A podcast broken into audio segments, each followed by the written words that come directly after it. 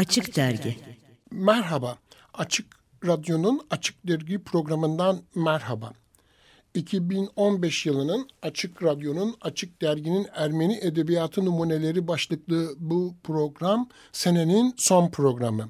Bu haftaki Ermeni Edebiyatı Numuneleri programında konu edeceğimiz 3 yemek kitabı var.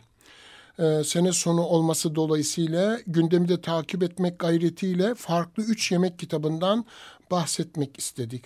Bunlardan birisi yemekten çok bir anı kitabı. Takuyu Tovmasyan'ın Sofranız Şen Olsun başlığını taşıyor.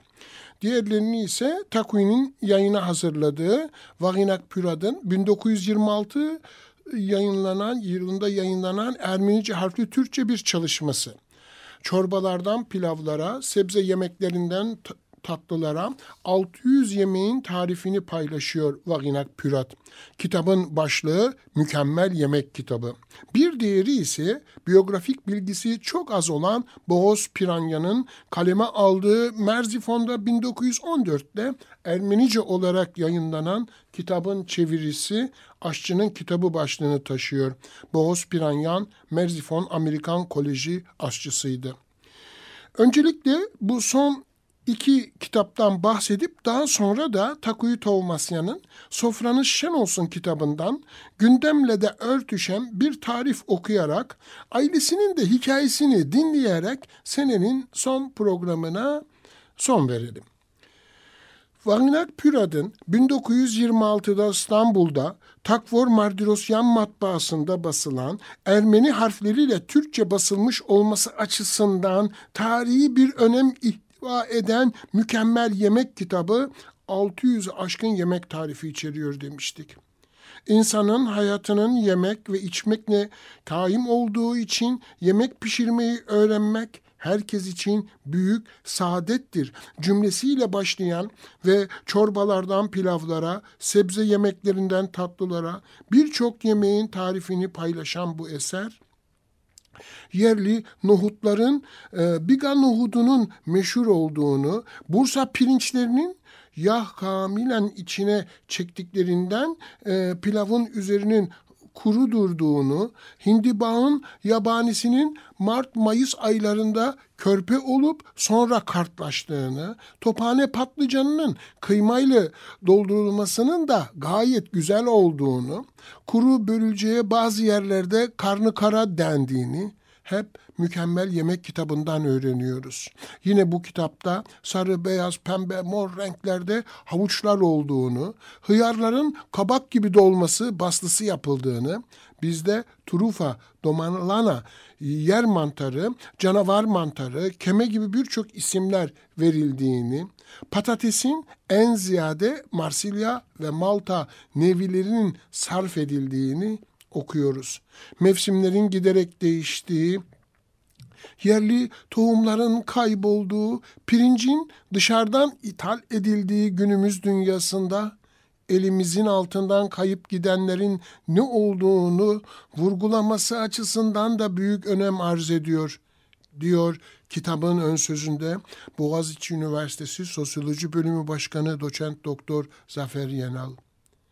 Bir kez daha vurgulayalım.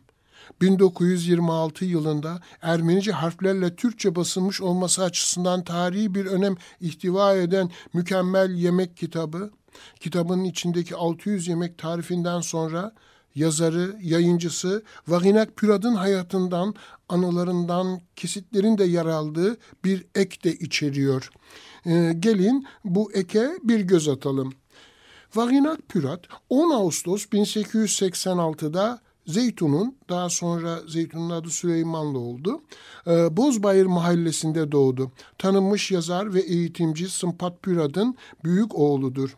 Kadıköy'deki Aramyan Okulu'nda öğrenciyken Osmanlı Bankası baskını gerçekleşti. Ermenilere yönelik takibatlardan kurtulmak için ailece Mısır'a geçtiler. Kahire'de geçen dört yılın ardından öğrenimini Ekol Suis'te tamamladı meşrutiyet inan edilince İstanbul'a yerleşerek 1909'da Jamanagagit Madenaşar Çağdaş Yayın Dizisi yayın evini kurdu.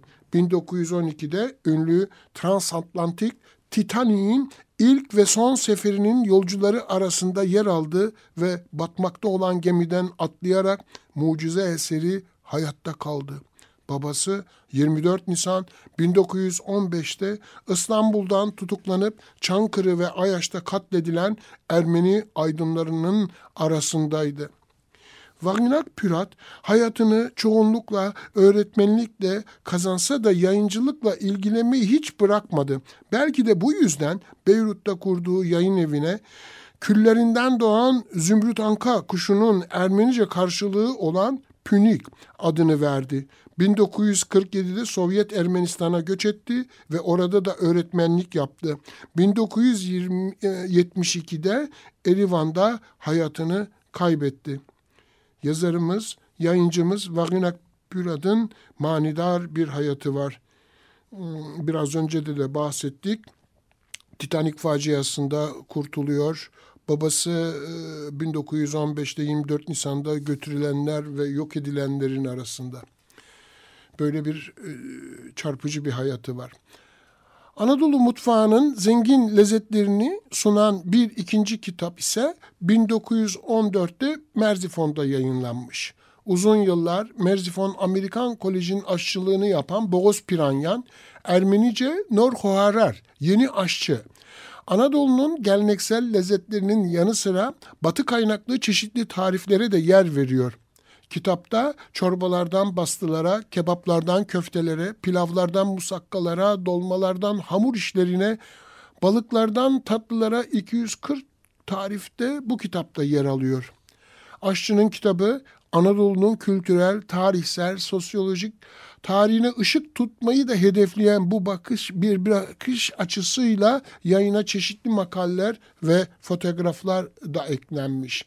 Yine bu kitapta da Boğaziçi Üniversitesi'nden Zafer Yenal kitabın girişinde yer alan Nor Hoharar'ı okurken başlıklı yazısında aşçının kitabının yemek sosyolojisi ve güncel kültürel tartışmalar açısından ne tür anlamlar taşıdığı üzerinde duruyor. Kitabın çevirmeni ve Sofranın Şenos'un adlı yemek anı kitabının yazarı Takuyu Tovmasyan ise Yamağın Sözü başlıklı yazısında Piranya'nın eserinin kendisine hatırlattıklarını kağıda dökmüş. Araştırmacı Turgut Kut, Boğaz Piranya'na ve eski yemek kitaplarına dair bir not başlıklı yazısında Osmanlıca ve Ermenice harfli Türkçe yemek kitapları hakkında tarihsel bilgiler veriyor. Akademisyen Nazan Maksutyan ise Merzifon Anadolu Koleji'nin kısa tarihçesi ve aşçı Boğaz Piranyan başlıklı yazısında Piranya'nın aşçılığını yaptığı kolejin tarihine ışık tutarken yazarın yaşam öyküsünün de izlerini sürüyor. Kitabın arka kapak yazısında Zafer Yanal'ın yazısından bir alıntı yapılmış. Merzifon, Anatolia Koleji'nde 18 yıl aşçılık yapan Boğaz Piranya'nın yazdığı Aşçının kitabı çok önemli bir tarihsel belge olma özelliğini taşıyor. Bu kitap bize Osmanlı İmparatorluğu'nun son dönemlerinde İstanbul dışında bilinen yemekler ve bu yemeklerin niteliği hakkında önemli bilgiler veriyor. Aşçının kitabını aynı dönemlerde yazılmış ve genellikle İstanbul'da basılmış yemek kitaplarıyla karşılaştırmak suretiyle geç dönem Osmanlı İmparatorluğu'nda rastlanan yemek kültürleri hakkında daha derinlikli ve anlamlı analizler yapmak mümkün. Böylelikle Türkiye Cumhuriyeti Devleti sınırları içinde kalan, topraklarda yaşanan ve yaşanmış olan farklı topluluklar arasındaki tarihsel etkileşimlerin niteliği ve bunların yemek alanına nasıl yansıdığı sorusuna cevap üretebiliriz. Bu noktada Boğaz Piranya'nın kitabının önemini daha iyi kavramak mümkün. Boğaz Piranya'nın hayatın hikayesine gelince yaşamı hakkında bize ulaşan bilgiler çok az. 1896'dan 1915'e dek Merzifon'daki Anatolia Koleji'nin aşçılığını yaptığı bilinmekte. 1915 tehciri sırasında kolejde kalan son Ermenilerden biri olduğu kaydedilmiştir. Ancak akıbeti hakkında kesin bilgiye ulaşılamamış. Ancak Amerikalı misyoner Berta Molley günlüğüne 8 Temmuz 1915'te düştüğü notta şu bilgiye rastlıyoruz.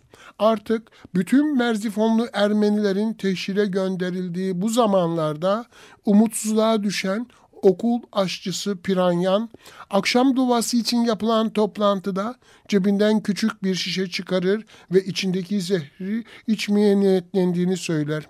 Ardından dini ayın sırasında sakinleşen baron yani Bay Boğaz bu kararı uygulamaktan vazgeçer ve şişeyi okul müdürü Doktor Vitel'e teslim eder. İşte Boğaz Piranya'nın hayatı hakkında bildiklerimiz bundan ibaret. Şunu da biliyoruz ki o dönem intihar da yaygın bir kurtuluş yöntemi olarak görülüyordu.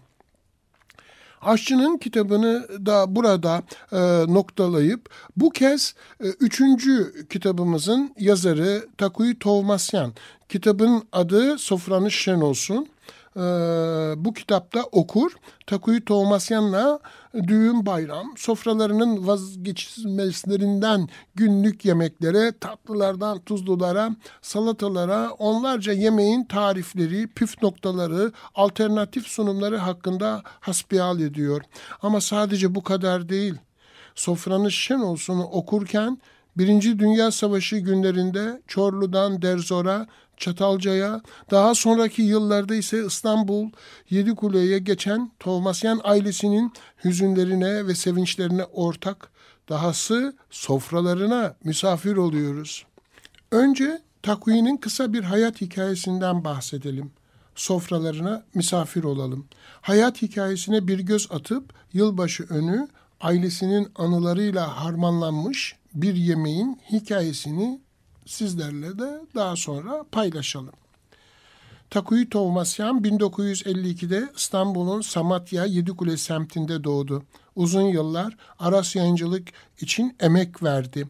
Ailesinin hikayesini çocukluğundan beri evlerinde pişen yemeklerin tarifleriyle harmanlayarak anlattığı Sofranız Şen Olsun kitabıyla tanındı. Bu kitap yemeklerin çoğunlukla etnik gruplarla tanımlandığı bir ortamda geliştirdiği farklı bakış açısıyla önemli bir etki yarattı. Tarif ettiği yemeklerin nasıl tasnif edileceği sorusuna verdiği şu yanıt akıllara kazındı. Ne kadar Ermeni, ne kadar Rum, ne kadar Türk, ne kadar Arnavut, ne kadar Çerkez, ne kadar Patriot, ne kadar Çingene yemekleri bunları bilmiyorum. Ama bildiğim bir şey var. O da bu yemekleri Çorlulu Akabi ve Takuyi yayalarımdan yani ninelerimden öğrenmiş olduğumdur. Şimdi Sofranız Şen Olsun kitabından birkaç bir yemek okuyup programı toparlayalım. E, Takuyi e, Sofranız Şen Olsun kitabına şöyle giriyor. Kimi evde yemek yaşamak için yenir. Kimi evde yemek için yaşanır. Bizim evde ise yemek muhabbet olsun diye yenirdi. Sofra muhabbet için kurulur, yine muhabbetle kaldırılırdı. Kitaba böyle giriyor ve iki, birinci yemek tarifinin başı da şöyle. Başlığı topik. Çocukluğumda yılbaşına 3-4 gün kala Yedikule sokakları soğan kokusundan geçilmezdi. Ben soğan kokusunu hiç sevmez, o günlerde bir bahane bulup evden kaçar, komşumuz Ankine yengemlere sığınırdım. Sığınırdım da ne olurdu? Yağmurdan kaçayım derken doluya tutulurdum. Ankine yengem kızı Sofik'le önümüze bir çuval soğanı koyar ayıklamamızı isterdi. Sofik'le iki gözümüz iki çeşme soğanlarla boğuşur dururduk. Nedense bizimkilerin mezeciden hazır meze almak gibi bir adetleri yoktu.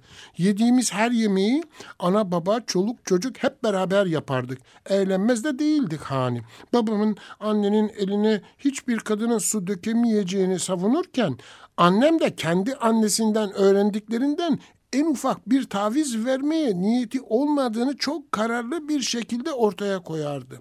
Sonunda hepimizin yüzünü güldüren, damağımıza pek hoş gelen lezzetler ortaya çıkardı. Sanırım bunun nedeni büyük annelerimin daha annem babam ortalarda yokken e, çok muhabbetli iki arkadaş olmalarıydı. İkisi de Çorlulu Biri Takuyi Hanım, diğeri Akabi Hanım.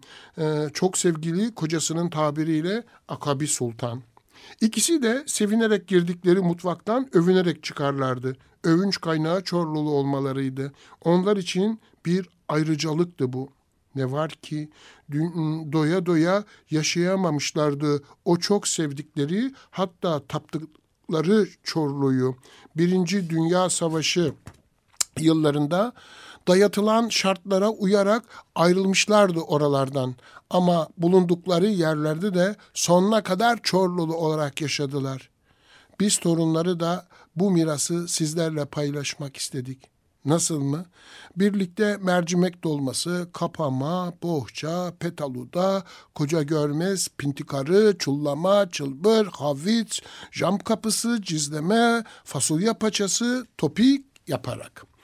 E, Takuyu burada topik tarifine geçiyor. Biz onu atlayacağız ve e, gündemi de takip etmek anlamında Anuşabur'u size okumaya çalışacağız.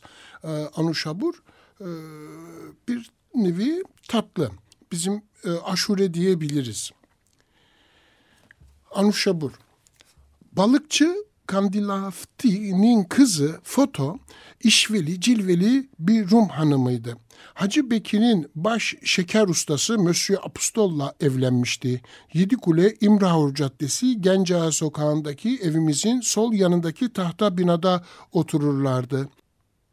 Evlerinin albenisi vardı. Dış yüzü tel sıvalı, içi ise aynı bizimki gibi ahşaptı. İki oğlu vardı Madame e, Fufo'nun. Büyük oğlu Yanaki, küçüğü ise ağabeyim Yetvart'la yaşıt Yorguli.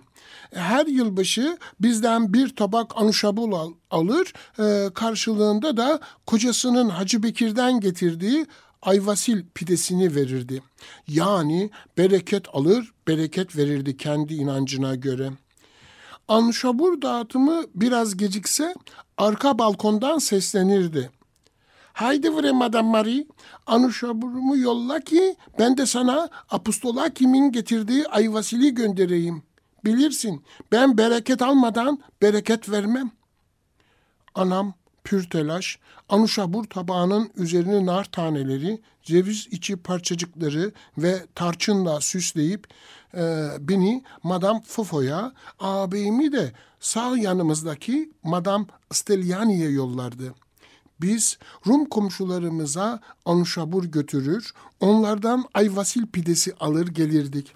Böylece tam bir yıllık bereketi soframıza taşımış olurduk. İster inanın, ister inanmayın. Bu böyleydi. Ne zaman ki Apostolaki'nin e, bereketi yok oldu bizim masamızdan, her şeyin tadı da değişti.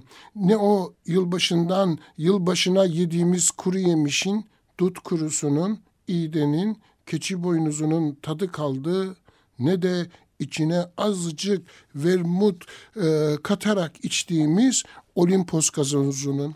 Her şey değişti. Bolluk var ama bereket yok. Muhabbet ise artık moda değil. Sanki insanların birbirlerine anlatacak bir şeyleri kalmadı. Oysa biz her yılbaşı bütün bir zevkle dinlerdik Madame Zupa'nın anlata anlata babama ezber ettirdiklerini. Kimdi Madame Zupan? Nasıl tanışmıştı eşi Doktor Zupan'la? Nasıl evlenmişlerdi? Madame Zupan ömrünün sonunda neden yalnız kalmıştı? Merak mı ettiniz? Anlatacağım. Ama önce Anuşaburu mu yoksa Madame Zupan'ın aşklarını mı dinlemek istersiniz?